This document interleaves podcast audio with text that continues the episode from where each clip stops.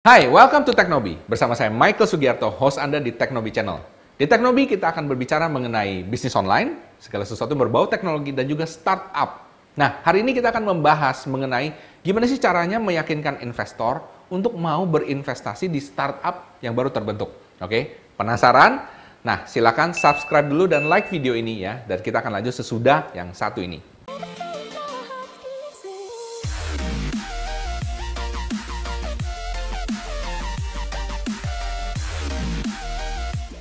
Hari ini kita akan berbicara mengenai dunia startup digital. Nah, apa itu startup digital? Anda semua mungkin tahu ya. Ada yang namanya Gojek, pernah dengar? Ada yang pernah dengar namanya OVO, oke? Okay? Ada yang pernah dengar namanya Traveloka atau Tokopedia, Bukalapak dan lain sebagainya ya. Itu adalah perusahaan-perusahaan startup digital yang sekarang lagi marak ya. Rame banget di Indonesia. Apabila Anda adalah seorang founder startup, biasanya hal yang paling utama yang Anda perlu lakukan adalah mencari investor ya kan? Mencari investor yang mau memodali ide Anda, ya kan? Memodali startup Anda ini. Karena di awal, trust me, ya, namanya bikin bisnis itu perlu modal, oke? Okay?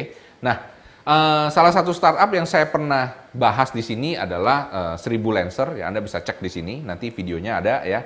Nah, ini merupakan salah satu startup yang mulai dari nol, benar-benar. Tapi di awal juga, karena dia cuma punya uh, ide, cuma punya keringat dan semangat, ya dia perlu investor. Nah, sekarang gimana sih caranya untuk mendatangkan para investor tersebut?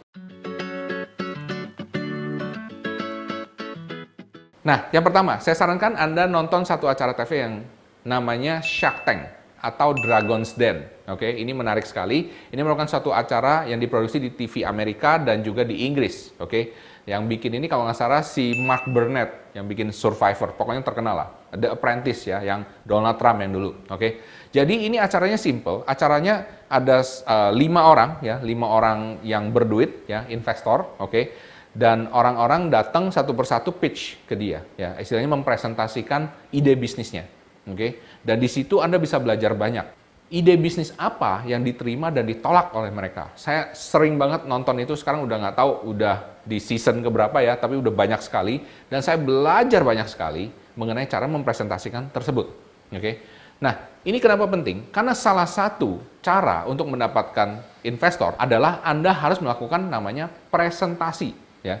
Jadi seorang founder, ya, sebuah startup itu ya, bukan cuma hanya bisa uh, bikin ide, ya, punya semangat dan uh, istilahnya know how to do it, tapi mereka juga harus bisa mengkomunikasikan kepada calon investor mereka, ya. Jadi intinya kalau kamu punya barang bagus, ya, tapi kamu nggak bisa komunikasiin bahwa barang kamu ini bagus, percuma nggak ada yang mau beli, betul? Contohnya gini, Anda jago, Anda mungkin pernah sering dengar ya, ada seorang uh, tukang masak yang jago, dia bisa bikin kue yang enak, paling enak di seluruh dunia. Tapi masalahnya dia nggak bisa jual, betul? Kenapa dia nggak bisa jual? Karena dia cuma jago bikin kue. Dia nggak bisa uh, mengkomunikasikan bahwa kuenya ini enak, lebih enak dari bakery mana pun. Selama nggak ada orang yang tahu bahwa kue ini lebih enak dari bakery mana pun, tidak ada orang yang mau beli. Dan kalau tidak ada orang yang mau beli, ya siapa yang mau investasi bikin bakery-nya? Bisa paham di sini ya? Oke, okay? so that's analoginya yang simple. Nah, nomor satu Anda harus belajar ya, bikin pitch deck yang bagus. Jadi kalau di dalam startup itu Anda bikin namanya pitch deck ya, presentasi yang bagus. Gimana caranya? Anda harus uh, belajar itu dan salah satu yang bagus menurut saya Anda bisa pelajari di acara Shark Tank atau Dragon's Den tersebut. Anda bisa belajar gimana caranya presentasi ya. Jadi sehingga Anda bisa melihat apa sih yang diterima dan apa sih yang ditolak.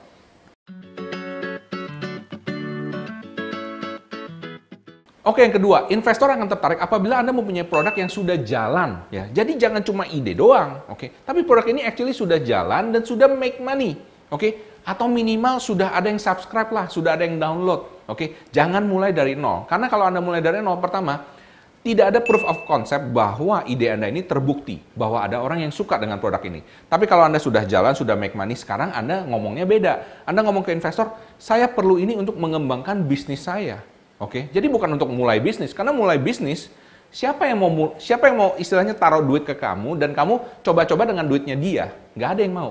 Tapi kalau misalnya ngomong bisnis saya ini udah jalan, ya kan, saya sudah bisa dapat uang segini, tapi untuk bisa scale up, bikin lebih banyak lagi, saya perlu lebih banyak investasi lagi, karena saya perlu hire lebih banyak orang, karena saya perlu uh, sewa server yang lebih besar dan lain sebagainya. Nah itu baru menarik buat investor. Dan kemudian hal selanjutnya yang menurut saya paling penting juga adalah, ini mungkin sering dilupakan oleh orang, adalah kalian selain punya pitch deck yang bagus, sudah making money, Anda juga harus punya network yang bagus. Network itu maksudnya apa? Anda harus punya teman-teman yang sudah uh, berkecimpung di dunia startup ini. Minimum Anda kenal dengan founder-founder startup yang lain. Atau kenal juga dengan uh, visi-visi atau uh, venture kapitalis, ya kan, yang punya uang, ya. Jadi orang-orang yang kerja di sini ya, untuk membangun hubungan baik. Karena kenapa? Dunia startup itu biasanya kecil ya. Jadi orang ya si A kenal si B, kenal si C, semuanya kenal. Si itu itu aja orangnya, oke? Okay? Jadi Anda punya nama baik atau nama jelek itu langsung ketahuan. Ya, jadi misalnya Anda nama Anda baik di sini, semua orang langsung tahu dan semua orang berebut mau invest ke Anda. Tapi kalau misalnya Anda ternyata cuma uh, asal-asalan atau bikinnya nggak bagus, semua orang juga tahu. Oke, okay? so make sure Anda punya hubungan yang baik dengan mereka, ya kan? Karena kenapa? Mereka bisa bawa Anda ke orang-orang dan investor yang lebih besar lagi.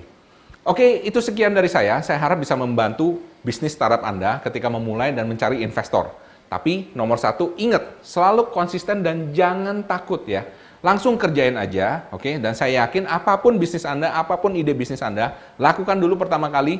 Keep trying, keep doing, be consistent and persistent, oke? Okay? Saya doakan semoga startup Anda selalu sukses ya dan segera mendapatkan investor, oke? Okay? Salam hebat, luar biasa.